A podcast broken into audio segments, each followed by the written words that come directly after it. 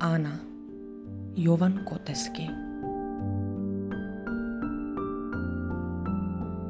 Тогаш ги чешлаше косите и кој знае за кого мислеше, додека ја гледаше бледата сенка на мајка ми, што за три оки брашно клечеше пред нозете на твојот татко.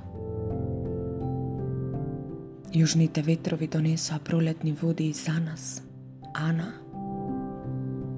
Ние го знаеме Твоето име и се заљубуваме од Ти. Ти имаш и земја, и везени чорапи, и широки рамења, Ана. Кој знае на кого мислеше додека ги чишлаше косите?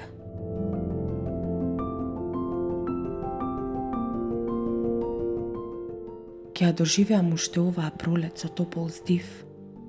Дојден пред твојата кошара што се распаѓа на ветрови. И ќе се молам на земјата како на голема икона, не за твоето здравје, не за твоите широки рамења, Ана.